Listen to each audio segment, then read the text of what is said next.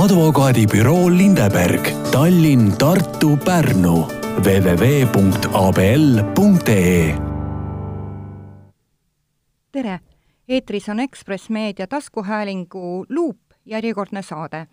tänased külalised on advokaadibüroost Lindeberg ja juba otsapidi kuulajatele tuttavad kui novembrikuine saade oli teemal äh, laim ja millal on kahjusaajal õigus laima ja kohtusse kaevata, siis täna räägime meditsiiniõiguste teemadel. mina olen saatejuht Juuli Nemvalts. enne veel, kui tutvustan külalisi nimepidi, tahan öelda, et advokaadibüroo Lindeberg pakub õigusteenuseid kõigis peamistes õiguse valdkondades, omad Tallinna, Tartu ja Pärnu büroodes. täna istub mul siin stuudios advokaat Keijo Lindeberg, ja kes lisaks sellele, et on ettevõtte juhatuse liige ja juhtivpartner, tegeleb ka kohtuvaidluste ja meditsiiniõigustega ning on ühtlasi ka Tallinna Tehnikaülikooli meditsiiniõiguste õppejõud.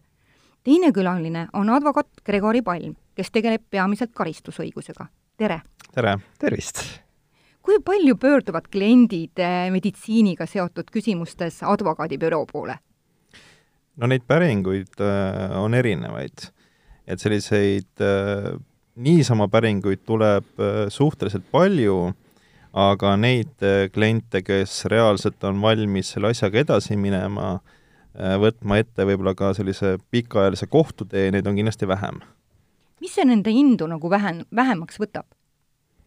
no esiteks kohati on klientidel ehk siis patsientidel ka natukene ebarealistlikud ootused, et äh, et iga äh, ütleme, ebasoovitud tulemus ei ole veel selline, millega saab äh, reaalselt mm, kahjuhüvitist hakata nõudma. et näiteks äh, kõik, mis puudutab ilukirurgiat, see on selline väga oma valdkond, et sellist klassikalist raviviga on seal näiteks väga vähe, noh, praktikas aga, aga sellist olukorda, et patsient ei ole rahul sellega, milline on tema tulemus, no seda tuleb ikkagi väga palju ette. ja, ja siis peabki hindama, et äh, kas arst on talle selgitanud, et selline võibki see tulemus olla, kui jah, siis tegelikult seal ongi sageli väga, väga vähe saab ära teha. et lõpuks on nagu jokkseis, et äh, kliendil on võib-olla natukene kühmuline nina selle pealt, kui ta lootis, et see on täiesti sirge ja roomanina, et siis kuidas siis te teete mingi kokkuleppe äh, menetluse või räägi natukene? ei no seal ongi see teema, et kui raviviga ei ole, et meditsiiniliselt on kõik korrektselt tehtud, siis äh, küsimus ongi, et kas see tulemus on esteetiliselt äh, ütleme siis ilus, mis on esiteks juba suhteline.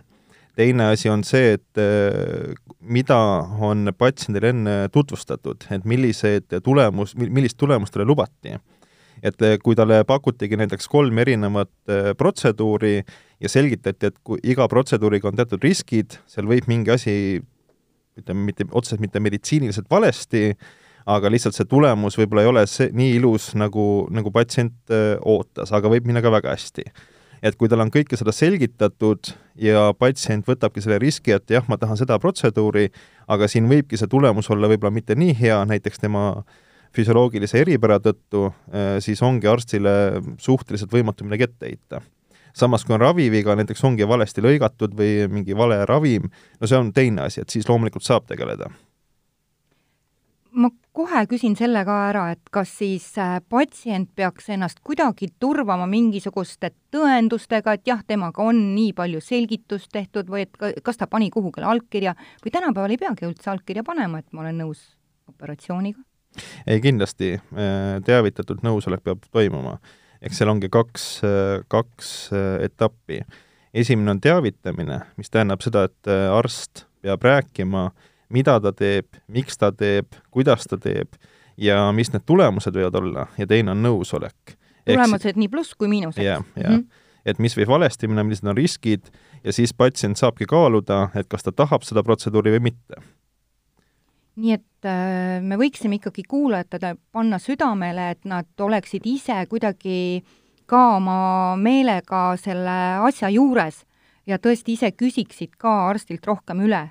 eriti ma arvan, et vanemad inimesed, ei, ei, ma ei tea, kas siis pelgavad seda küsida, et tihti ju olen ise ka küsinud mõne hea mm, vanema äh, sugulase käest, et äh, mis siis sinuga tehti või et mis see lõikus oli ja siis ta ütleb, et ühmab, et ma ei tea midagi, et noh, et arst nagu ütles, et nüüd tuleb minna ja ja sellega nagu asi siis piirdubki. No siin ongi kaks, kaks erinevat kategooriat, et üks on selline tavameditsiin ja teine on kõik, mis puudutab ilukirurgiat ja, ja kogu seda poolt et ilukirurgia puhul tõesti hästi oluline on see teavitamise pool, äh, sest läbi selle me saame hinnata, et see, kas, kas see, mida patsiendile lubati, äh, on saavutatud ja, ja kui see tulemus ei ole võib-olla nii ilus, nagu ta ootas, äh, kas arst rääkis, et selline võimalus on olemas. kui me räägime tavaga meditsiinist, siis ütleme, see visuaalne tulemus, kui ma lähen pimesoole operatsioonile, siis mitte keegi ei hinda, et kas see lõigatud on nüüd ilusti või või, või, või mitte nii ilusti, et seal vaadatakse seda meditsiinilist poolt, et mul oli põletik, kas see põletik raviti ära, kas haav läks mädanema või mitte, kõik need küsimused, et see on ikkagi puhas äh, meditsiiniline viga, äh, mille olemasolu me siis hindame. Kui ma nüüd olen lugenud neid äh, kohtulugusid, mis on meedias siis kajastust leidnud, siis mul on jäänud mulje, et igasugune ravivea menetlemine võtab nagu tohutult pikalt aega ja esiteks oleks, miks see pikaks, nii pikaks venib, ma olen isegi vaadanud, et on viis aastat vana juhtum olnud kohtus, kus äh, beebile või vastsündinule tekitati nii suured kahjustused, et laps on invaliidne ja seda menetleti alles viis aastat hiljem. no kui selline raviviga või, või ütleme, patsiendil tekib pretensioon, siis äh, ilmselt klassikaliselt patsient kõigepealt suhtleb ise arstiga äh,, üritatakse meditsiiniliselt midagi korda teha, ehk siis kui on midagi valesti ravitud, et esiteks võib ju mingi meditsiinilise meetodiga proovida seda olukorda parandada ja, ja kui see õnnestub, äh, siis ei olegi ju probleemi kui nüüd on see etapp, et äh, patsient astub sisse advokaadibüroosse, siis äh, me alg-, alustame sellest, et äh, üritame siis selle võimaliku ravivea olemasolu kuidagi välja selgitada, et me saaksime seda kohtus tõendada. ja, ja noh, tegelikult siin võib-olla Eesti meditsiini ja üleüldse meditsiiniõiguses ongi see hästi suur probleem, sest neid võimalusi on meil suhteliselt vähe et esiteks loomulikult, kui arst tunnistab viga, on väga lihtne, siis me vaidleme enamasti ainult selle kahjuhüvitise summa üle. enamasti arst viga ei tunnista. siis me peame vaatama neid meditsiinidokumente, kas sealt nähtub selgelt raviviga, noh enamasti ka sellest ei nähtu. kas me saame rääkida ka, et aegub mingi lugu või mingi asi ei ole aegunud, seda tuleb ka jälgida?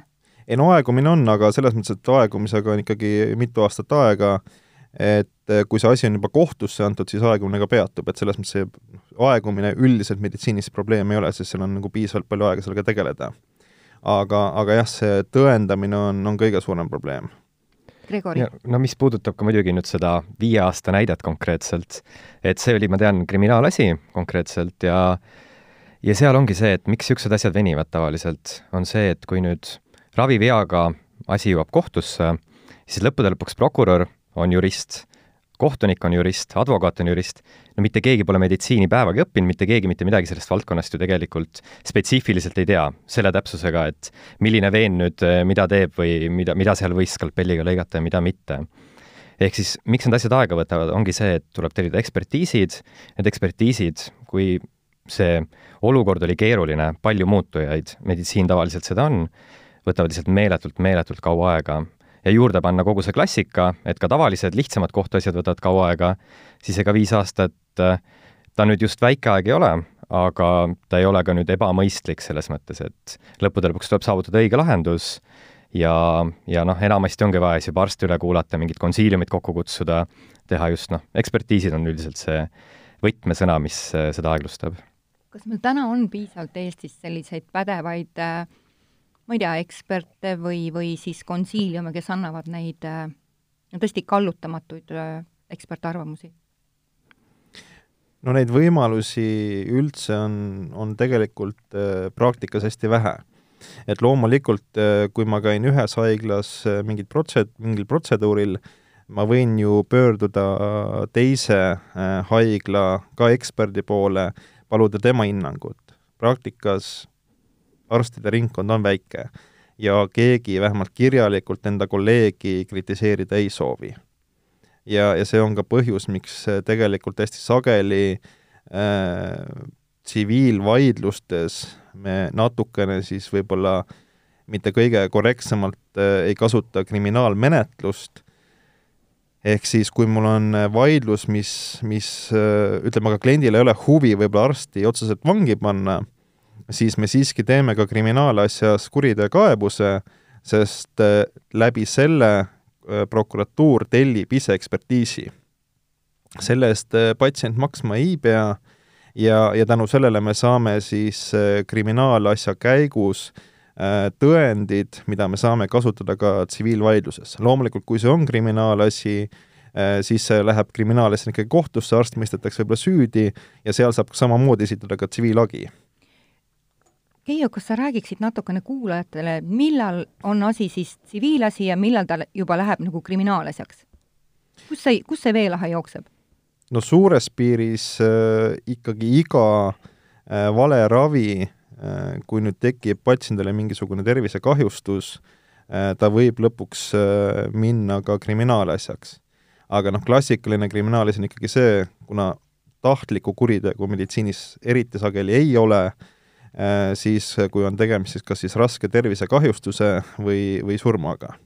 et sellisel juhul ta läheb ikkagi kriminaalasjaks jaa, ütleme lihtsustatult, see lahe jooksebki seal, et äh, tsiviilasja korral on, äh, tsiviilvaidlused võib väga agaralt pidada siis, kui mingid meditsiinitöötajad leiavad ühte asja, leiavad, et arst käitus valesti, mõned leiavad, et noh, võib-olla käitus õigesti, muutujaid on palju. kriminaalasi niimoodi, et oleks edukas, on tavaliselt siis, kui ikkagi suhteliselt ühemõtteliselt jõuavad kõik järeldusele, et see inimene käitus väga valesti, et siin see kõige klassikalisem näide viimasest ajast ongi see, kui eh, meditsiinitöötaja pani patsiendile valet eh, verd, patsient selle tagajärjel suri ära, no seal ei ole nagu väga palju vaidlust, kõik olid, et, et poleks pidanud nii tegema ja, ja see konkreetne inimene ka süüdi mõisteti lõpuks.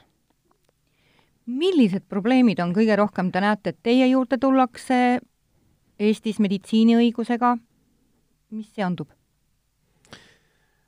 no hästi üldistatult äh, võib väita, et äh, Eestis on ju suures piiris kaks äh, või kahes linnas tipphaiglad, kus meditsiini kvaliteet on tõepoolest väga hea.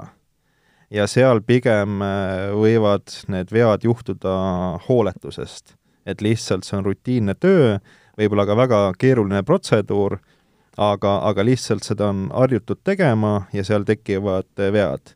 no näiteks äh, oli meie büroos ka üks juhtum, äh, kui ma nüüd õigesti mäletan, tegemist oli vist kolmeaastase lapsega, kellel tehti südameoperatsioon ja südameoperatsiooni teostamise ajaks ühendatakse süda või, või õigemini keha kunstliku vereringega.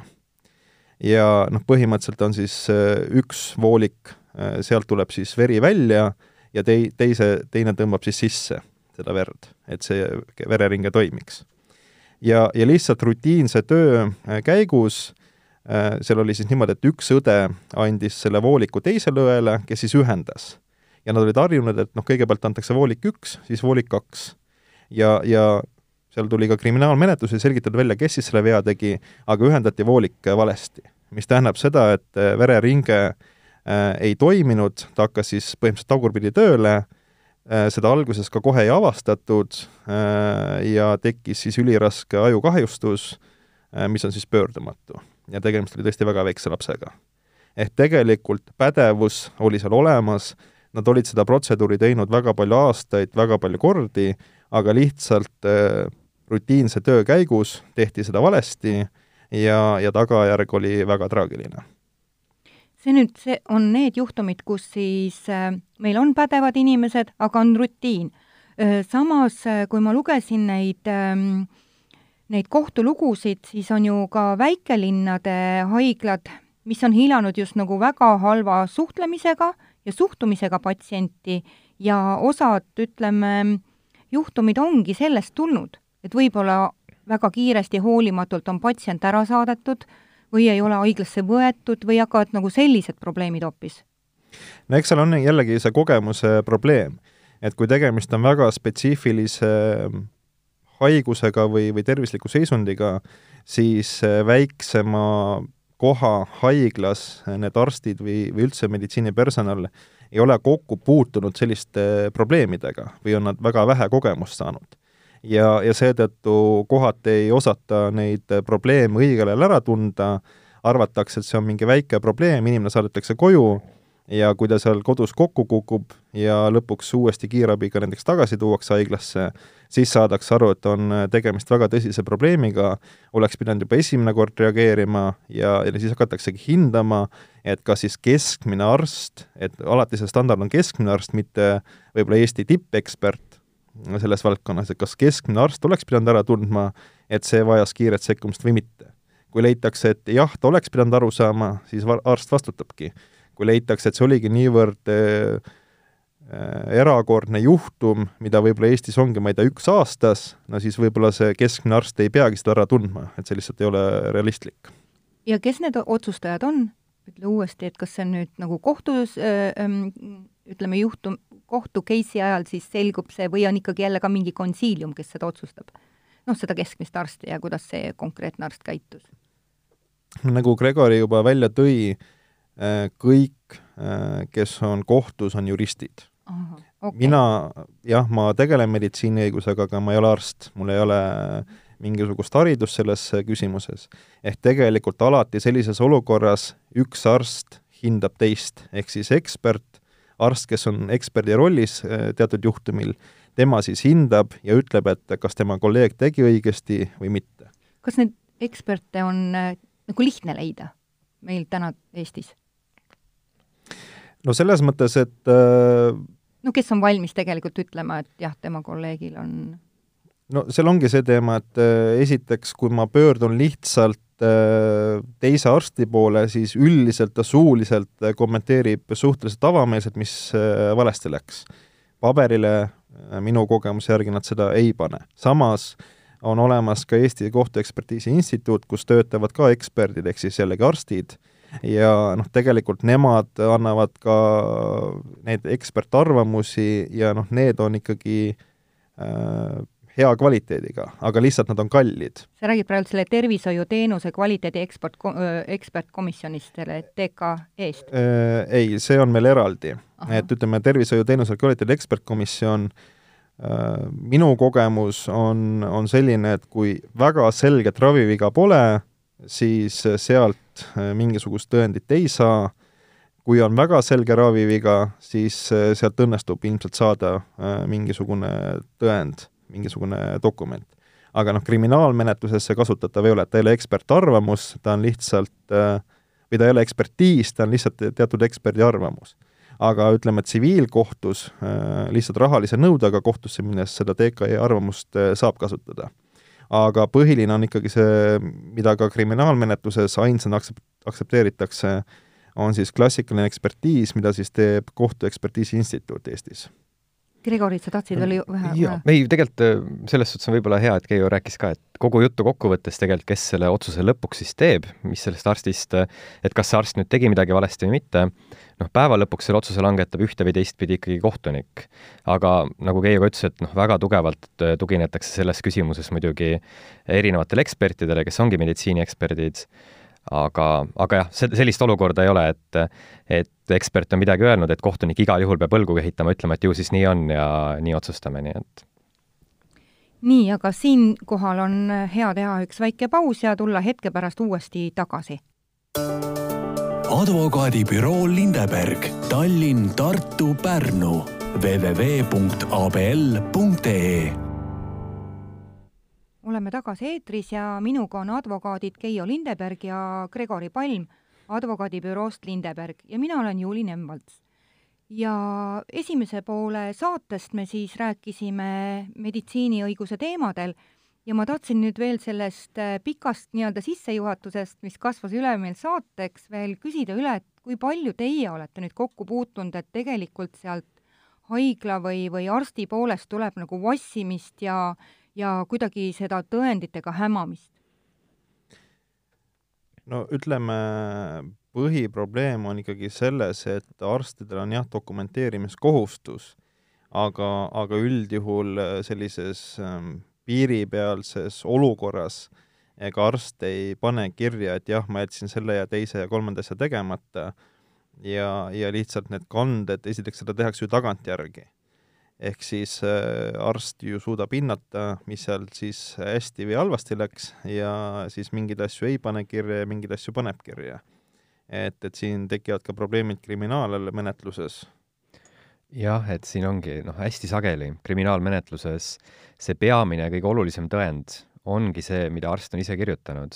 ja kui arst on siin jätnud midagi kirjutamata või suisa valetanud, siis tegelikult teda tabada? teda tabada on keeruline lõppude lõpuks, et et siin ongi, selles suhtes on arstil kohati ka niisugune optimaalne valik olemas, et kui juba midagi on valesti tehtud, siis noh, kui ta nüüd hakkab valetama selles dokumentatsioonis, siis rangelt võttes on tegemist dokumendi võltsimisega, seal on, kui ma nüüd peast mäletan, karistus võib olla maksimaalselt üks aasta ja kui ta kirjutab ausalt kõik ära, et tegigi midagi valesti ja tänu temale keegi surigi, surigi, siis surma põhjustamine ettevaatamatusest on kuni kolm aastat ja raske kehavigastuse tekitamised on seal veel mingid eh, palju suuremad aastad, et et, et praktilises võtmes, ja noh, kui arst veel ei valeta, lihtsalt jätab midagi kirjutamata, siis kriminaalmenetluses on see koht, kus kõik tõstavad käed üles, ütlevad, et me ei saa olla kindlad, mis täpselt juhtus, kriminaalmenetluses on veel kõrgem tõendamiskoormis ka võrreldes tavalise kohtuga, niikaua kui ei suuda tõ-, tõsikindlalt öelda, et arst on kindlasti midagi valesti teinud, no siis polegi midagi teha ja arst on selles osas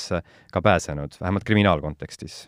Gregori, aga miks see karistus äh, nagu kuidagi mm, ütleme, aastad on nii ebavõrdses positsioonis, et kui ma petan, siis on ainult üks aasta, kui ma ausalt ära räägin, siis läheb juba aastaid juurde. eeldaks ju hoopis vastupidist. vot eks see on seadusandja otsus lõppude lõpuks. see et... ei soodusta ju ausust üldse ei, ei soodusta ja ilmselt ega selles olukorras keegi pole seda ette ka näinud, sest see paragrahv, dokumendi võltsimine, ei käsitle spetsiifiliselt arste, see peab tabama kõiki inimesi, kes on mingeid dokumente võltsinud, ehm, ehk siis äh, klassikaline juhtum, seal see aasta võib-olla maksimaalsel juhul ongi sobilik ja optimaalne karistus, lihtsalt kui on see arsti temaatika puhul, see võib-olla hakkab natuke haput maiku nagu suhu tekitama kas keegi on üldse kunagi mõelnud, et seda võiks kuidagi mingi erisuse tekitada, et näiteks meditsiinis oleks ta natuke teistsuguse, ma ei tea, aastate arvuga? jaa, neid mõtteid on kindlasti olnud, aga lõpuks see taandub ka sellise filosoofilise küsimuse peale, et äh, üldse see arstide vastutuse reguleerimise osas, et ega meditsiin on ju tohutult keeruline ja seal on tohutult palju asju, mis saab valesti minna ja ilmselgelt arst sageli töötab meeletu riski piiril, ehk ka mingi väike viga, mis ei ole isegi talle etteheidetav, võib taga, tagajärjena tuua raskeid tagajärgi.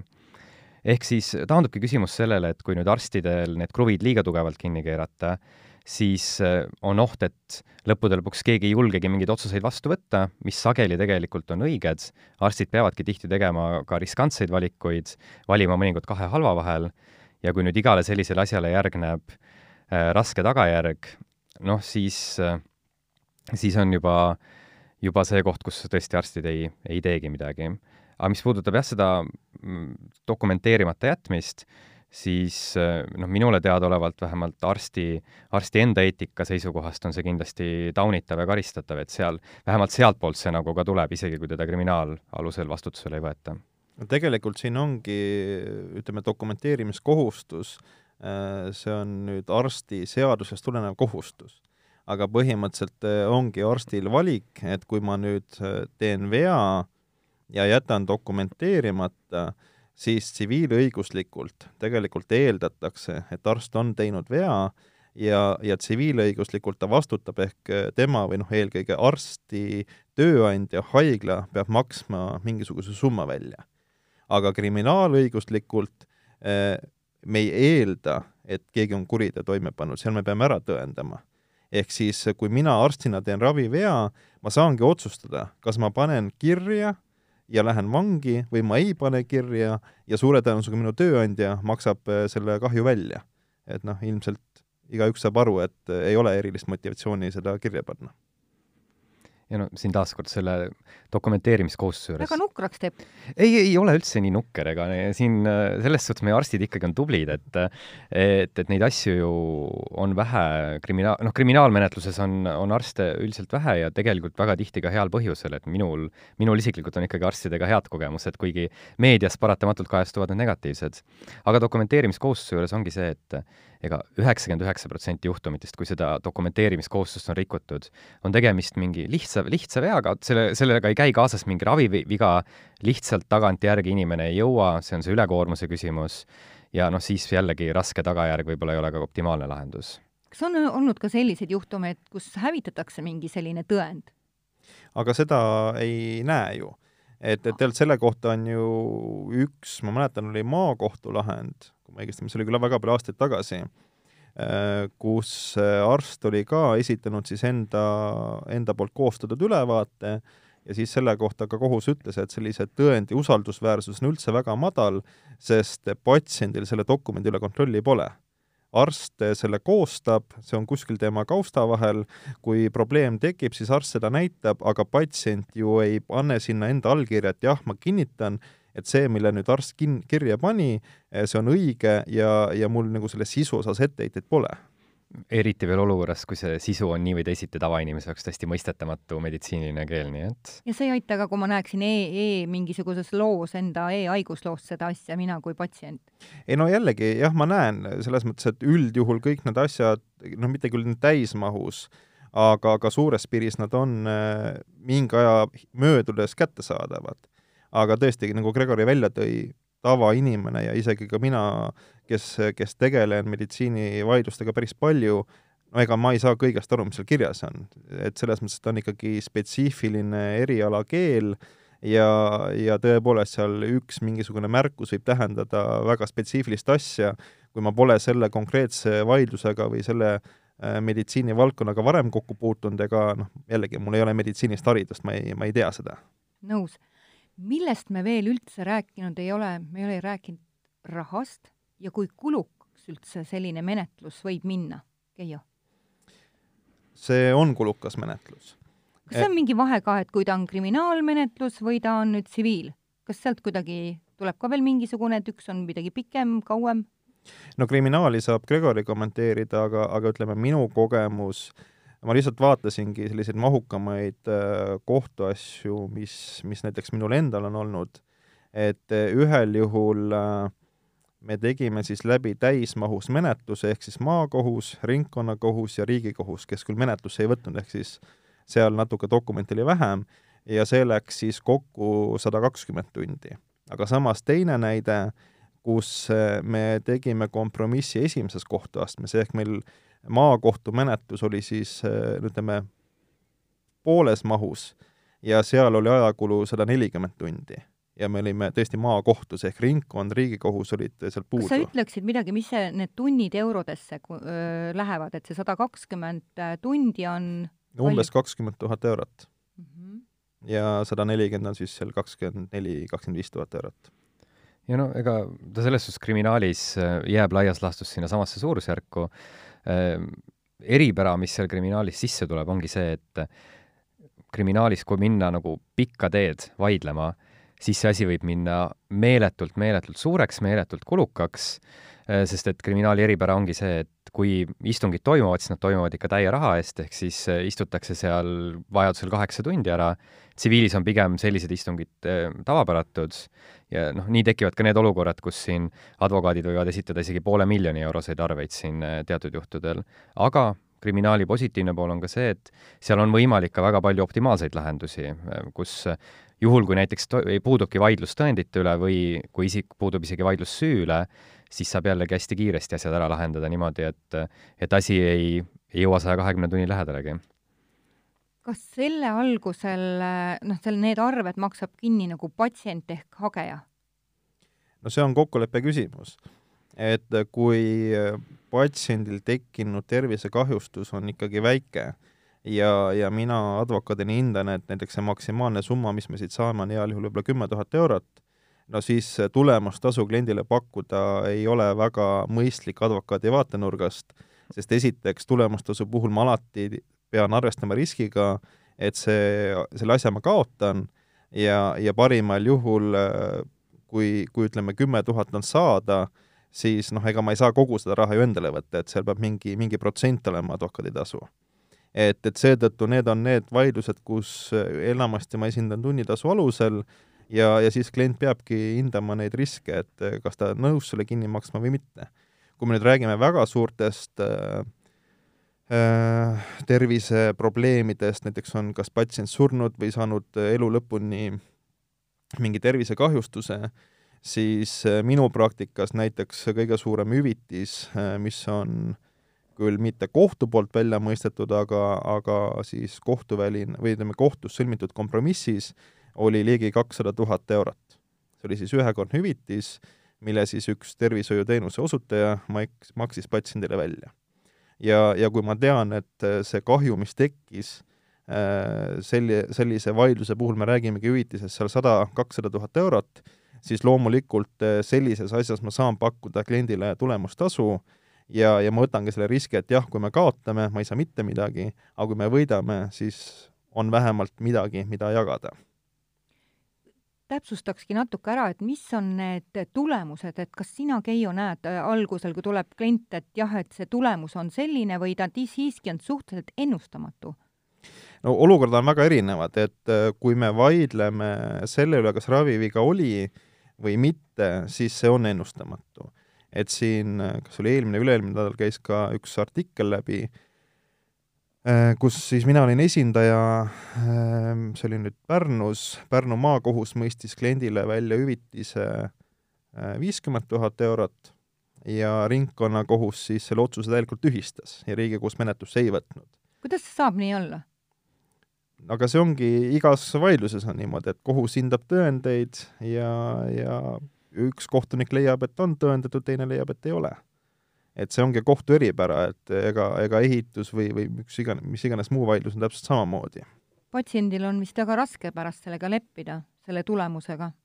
ei, loomulikult, eriti kui üks, noh, antud juhul oli tegemist ka lapse surmaga, et kui, kui üks kohtunik, kes kuulab ka kõik pooled üle, kohtuistungil ja, ja jõuab järeldusele, et arst on lapse surmas süüdi, mõistab välja ikkagi suhteliselt korraliku hüvitise Eesti, Eesti mõistes kindlasti. ja, ja siis läheb natukene aega mööda ja teine kohtunik ütleb, et, äh, et ei, arst ei ole süüdi, sa ei saa mitte sentigi, noh, ega ta psühholoogiliselt juba, jällegi me räägime lapse surmast et me ei räägi sellest, et võib-olla natuke oli midagi valus või midagi sellist, et see on ikka kõige, kõige rängem tagajärg üldse, mis saab olla. et loomulikult, eks ta, eks ta on väga raske. Kuidas sa kommenteerid ise, Keijo, et sellised asjad meil Eestis nagu sünnivad, et äh, tava, tavakuulajana ma lihtsalt hoian kahte kätt endal pea ümber, kui ma kuulen sinu, sinu näiteks seda näidet. et ma kuul-, ma ei saa nagu sellega nõus olla või? Ise emana olles. Jah, aga ega see ei ole Eesti eripära, see ongi meditsiini eripära ja, ja nagu ma ütlesin, see ongi kohtu hinnata, ega mina olen jurist, ega noh, selles mõttes, et mul võib tekkida oma arvamus, aga, aga mina ei ole see inimene, kes on kunagi mingit meditsiiniprotseduure sooritanud. et, et lõppude lõpuks ta taandubki sinna, et teised äh, arstid hindavad selle konkreetse arsti tegevust no alati, mis on, kui nüüd rääkida patsiendi vaatenurgast, mis on eriti keeruline, on ju see, et ma lähen haigla vastu või ütleme siis arsti vastu. see on enam, täiesti ebavõrdne positsioon ju. jah, sest äh, enamasti suures haiglas on väga palju kolleege, kes loomulikult enda kolleegi kaitseks kirjutavad väga põhjalikke äh, arvamusi, lisavad sinna tohutult viiteid erialakirjandusele mida siis patsiendil on väga raske ümber lükata. jah, ja aga noh, tulles selle alguse negatiivse noodi juurde tagasi, et ta nüüd nii, nii negatiivne siiski see elu ka ei ole siin Eestis, et et natuke võib-olla jääb mulje, justkui meil oleks hunnik arste, kes lõikavad siin skalpelliga patsientidel veene läbi ja justkui jalutavad kogu aeg puhtalt minema. no tegelikkuses see ju nii ka ei ole. no ma ei oska mitte midagi kommenteerida selle näite kohta, mida, mida Keijo just rääkis, aga no reaalsus taandubki sellele, et enamasti on arstid käitunud õigesti, need vead väga sageli tulevad sellest, et lihtsalt meditsiin on jube keeruline. ma mõtlen kas või kõige lihtsam näide on alati see, et kui vähesed patsiendid reaalselt järgivad neid suuniseid, mida arstid neile annavad. ma arvan, et ma isiklikult ka pole kordki elus nagu seda kümnepäevast äh, antibiootikumi kuuri läbi teinud, sest tavaliselt viiendal päeval on kõik okei okay ja ma lõpetan selle. et tegelikult see taandubki selle peale, et meil on enamasti tublid arstid ja tihti, kui on ka rasked tagajärjed, siis need ongi ennustamatud või väga raskesti ennustatavad. või mitme ja, asja kokkulangemisel. või mitme asja kokkulangemisel, täpselt. et, et neid arste, kes nüüd tõesti on nii hooletud, et need tuleks vangi panna, minu näite puhul, neid on ikka maru vähe. Mhm. mis on nagu see lävend üldse, millest me, kui me hakkame rääkima hüvitise summast, et mis need, mis need summad on, mida, millest me räägime? no minu praktikas, nagu ma ütlesin, kõige suurem on ligi kakssada tuhat eurot ja kõige väiksem hüvitis, noh, põhimõtteliselt null eurot, et selles mõttes, et et äh, alati hüvitise väljamõistmisel on vaja kahte asja. esiteks, meil on vaja tuvastada arsti viga ja kui see on tõendatud, siis me hakkame vaatama, milline kahju tekkis patsiendile. ja, ja kui me ka tuvastame, et oli arsti viga, aga äh, Äh, patsient selle tulemusena kahju ei saanud, näiteks on diagnoos, valesti diagnoositud, see on viga. ja aga kui patsient äh, näiteks pöördus teise arsti juurde, teine patsient, äh, teine arst tuvastas õigesti, ta sai ravi, mingit kahju ei tekkinudki, siis hüvitist välja ei mõistetagi. hüva, see, see oli ka huvitav, aga miks siis üldse tuleb nagu minna advokaadi juurde sellega? No selles mõttes jah, et ega ilmselt äh, inimestel on ikkagi lootus, et järsku ta saab mingit hüvitist või? ei, loomulikult, eks äh, inimeste ootused ongi väga erinevad. ja, ja ka see näide, see ligi kakssada tuhat eurot, no see on ikkagi väga äärmuslik mm. -hmm. et enamasti need hüvitised on, on kordades väiksemad ja, ja kindlasti tuleb arvestada ka sellega, et äh, need suured hüvitised liiguvad äh, kohtuväliselt ehk kompromisside raames et siin ongi tegelikult, meil on kaks eh, eri suunda, üks on kohtupraktika, kus need summad on noh, minu hinnangul naeruväärselt väiksed, ja siis on meil kohtuvälised kompromissid, kus lihtsalt selleks, et see asi ära lõpetada, makstakse võib-olla kümneid kordi suuremaid summasid. Ja noh, minu töös konkreetselt ma valdavalt esindan arste, mistõttu ka minu positiivsem nägemus nende, nende tööle, aga miks minnakse kriminaali just advokaadi juurde, tuleneb ennekõike sellest, et et äh, inimene tahab seda moraalset tunnet, seda heaolutunnet, et nüüd arst mõisteti süüdi, võib-olla see raha sageli polegi kõige olulisem. ja, ja see on see kannustav faktor just äh, krimi poole peal. et siis ka väiksed hüvitised ei ole alati takistus või probleem üldse. aga muidugi minu kogemus on ka olnud selline, et äh, kohati patsient saab aru, et arstid eksivadki. ja, ja on valmis ka selle andestama aga noh, minu ühe, ühe konkreetse näite puhul selle tervishoiuteenuse osutaja siis esindaja, ehk siis vist oli juhatuse liige, äh, tema suhtumine oli niivõrd ähm, ärritav äh, selle patsiendi jaoks ja tegelikult isegi mitme, mitmes olukorras, mitme erineva haigla puhul on see niimoodi olnud, et, äh, et mul on tunne, et tegelikult ka need haigla töötajad kes siis tegelevad nende probleemsete juhtumitega, et nad võib-olla võiksid isegi mingisuguse koolituse läbida, sest äh, sageli on niimoodi, või noh, ma, ma olen mitmes, mitmel juhul erinevad haiglad näinud seda, et patsient, kes võib-olla alguses on lihtsalt natukene kurb, et nii läks, siis see suhtumine, äh, mis talle vastu vaatab pärast seda, kui ta oma probleemidest räägib, äh, lihtsalt vihastab ta nii välja, et, et et, et see on ka üks, üks pool, et ma arvan, väga palju vaidlusi õnnestukski rahumeelselt ära äh, lõpetada, et tõesti patsient saab aru, et arst ei ole eksimatu, on piiripealseid juhtumeid, mõnikord lähebki asi halvasti. aga kui ta seal täiesti maatasa tehakse, noh siis tekibki see viha ja siis võib-olla selle patsiendi ainukene eesmärk ongi, et äh, las arst läheb vangi ja, ja haigla maksabki kogu, kogu oma kasumi või, või kogu oma vara talle välja, et et, et see on nagu see teine pool, mida ma olen näinud ja korduvalt. kas arstide vigade korral on need hüvitised, mida makstakse, piisavad?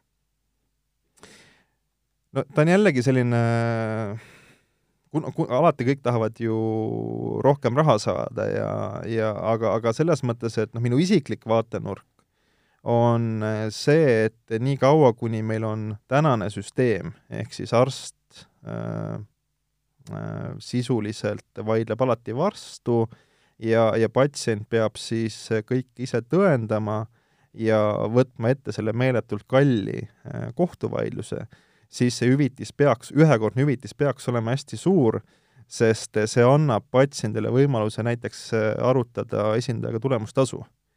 Aga kui see süsteem oleks mõistlik, siis minu hinnang on selline, et võib-olla see ühekordne hüvitis ei peaks olema isegi väga suur, aga oluline on just äh, tegeleda selle inimesele tekkinud tagajärgedega. ehk kui meil on ikkagi noor inimene, ta jääb elu lõpuni kas siis töövõimetuks või, või ta ei saa teha enam seda tööd, mis ta tegi, et see igakuine kahju tuleks talle hüvitada. et, et no mina pigem isiklikult toetan seda, et see igakuine regulaarne hüvitis peaks siis tagama talle inimväärse elu või ütleme, varasema elukvaliteedi, aga, aga see ühekordne hüvitis, noh, võib-olla see ei peaks olema seal sadades tuhandetes. aga see muidugi eeldab seda, et me ei vaidle üldse selle üle, milline on see mõistlik hüvitis, et see süsteem on automaatne ja pigem see väljamakse peaks toimuma siis, kui ei ole välistatud, et arst oli süüdi sest niikaua, kui me eeldame, et äh, arst on kõik õigesti teinud, kui on selline hall, hallis alas, ja me peamegi tohutult äh, palju panustama sinna, et seda arsti raviviga ära tõendada, no siis see menetlus oma olemuselt on meeletult kallis ja pikk. kui kaugel on patsiendi kindlustuse seaduse eelnõu, kas sellest võiks olla nagu mingi lahendus, et kui meil võetakse see vastu? no ma loodan, et ta sellisel kujul äh, vastu ei võeta, sest just need hüvitise summad, äh, jällegi ta on praegu eelnõu, see pole mitte kuhugi selles mõttes jõudnud, et see ei ole kehtiv seadus, aga seal maksimaalne hüvitis oli sada tuhat eurot ühele siis patsiendile. ja võtame siis selle minu näite, äh, millest ma enne juba rääkisin, meil oli kahe-kolmeaastane laps. Äh, see oli selge arsti viga, see vereringe ühendati valesti, tal on elu lõpuni üliraske ajukahjustus, äh, on null protsenti tõenäosus, et ta läheb kunagi tööle, samas ta võib elada väga palju aastaid, aastakümneid. Ehk siis, kui me räägime sellest olukorrast, noh, ütleme, kahju hüvitamise üldine eesmärk on asetada inimene tänu sellele hüvitisele olukorda, kus ta oleks olnud siis, kui seda rikkumist poleks olnud. et kui me nüüd vaatame seda, Eh, milline rahasumma korvaks kogu selle kahju, noh siis see tegelikult on meeletult suur. sada tuhat, kui me räägime paari aasta vanusest lapsest, no sellega ei, ei saa mitte midagi tehtud. et kui me räägime ikkagi sellest olukorrast, et eh, ta ei lähe mitte kunagi tööle, ta elab võib-olla kuuekümne, seitsmekümne aastaseks, noh, tegelikult see sada tuhat võib-olla ühe aastaga või, või noh, mõne, mõne aastaga kulub ära olete te ka nagu aru saanud, mille taga see patsiendikindlustuse seaduse eelnõu üldse seisab? no siin ongi ju tegelikult äh, kaks, kaks probleemkohta. üks asi on see, et äh, patsient, kui tal on tekkinud kahju, peab saama hüvitist. Aga teine probleem on ju see, et äh, kui me räägime tavameditsiinist ehk siis riiklikud haiglad, siis see raha tuleb ju meie kõigi taskus, sest me maksame oma sotsiaalmaksu, ja, ja tänu sellele, et arst teeb vea, võib-olla see lähebki maksma sadu tuhandeid, tänu sellele võib-olla mina ei saa arsti juurde, sest äh, Haigekassal pole raha, see on välja makstud. et eks siin ongi selline kaalumiskoht, et äh, kui palju äh, me oleme valmis äh, panustama sellesse kahjuhüvitisse, tänu millele ju paratamatult väheneb äh, Haigekassa või, või ka konkreetse haigla eelarve. ja tänu sellele patsiendid, kes vajavad abi, ju tegelikult seda ei saa sellises mahus, sest raha on kuhugi mujale läinud. et eks see ongi selline hästi keeruline küsimus, et ühelt poolt äh, kui me vaatame seda patsienti, kes on saanud kahju, kelle kahju tuleks kindlasti hüvitada, siis loomulikult ta peaks saama võib-olla miljoneid. Teisest küljest, kui tänu sellele haigla enam ei suuda pakkuda teistele patsientidele teenust, äh, kvaliteetset teenust, siis see ju omakorda tekitab võib-olla uusi kahjujuhtumeid. Et selle piiri tõmbamine selles mõttes ongi hästi keeruline ja, ja kui see kindlustus äh, äh, toimiks hästi, siis äh, olekski olukord selline, et äh, haigla, tal ongi eelarves konkreetne rida, ta maksabki konkreetse summa, et tal on kindlustus olemas ja kui see kindlustusjuhtum tekib, siis see kindlustusselts maksab äh, selle hüvitise välja ja see oleks siis õiglane. aga no see ongi tänapäeval on ju ka tegelikult arstide tegevus vist ikkagi kindlustatud? ei pea olema. ei pea, aga, aga vist enam-vähem suuremad haiglad on kõik ennast ära kindlustanud? Selles mõttes, et ma nüüd ei oska kõike kommenteerida, aga, aga noh, suurte haiglate puhul tekibki see olukord, et neil on piisavalt ressurssi, et Ise need ära ka maksta. ära maksta, et see, ja noh, lõppude lõpuks ega kindlustus äh, on ka selles mõttes, ega nad ei tekita ju endale kahjumit. et üldiselt need kindlustusmaksed äh, on ka piisavalt suured, et eks ongi kaalumiskoht, et kas maksta nüüd äh, väga suurt kindlustusmakset või võtta see risk, et ma ei maksa, aga kui see juhtum tekib, siis lihtsalt eelarvest makstakse see välja. tahtsin veel küsida veel selle eelmiste teemade juurde, kui me rääkisime sellest arstide tegevusest või tegevusetusest, et kas arstid peaksid ka kartma üldse vangi minekut, Grigori?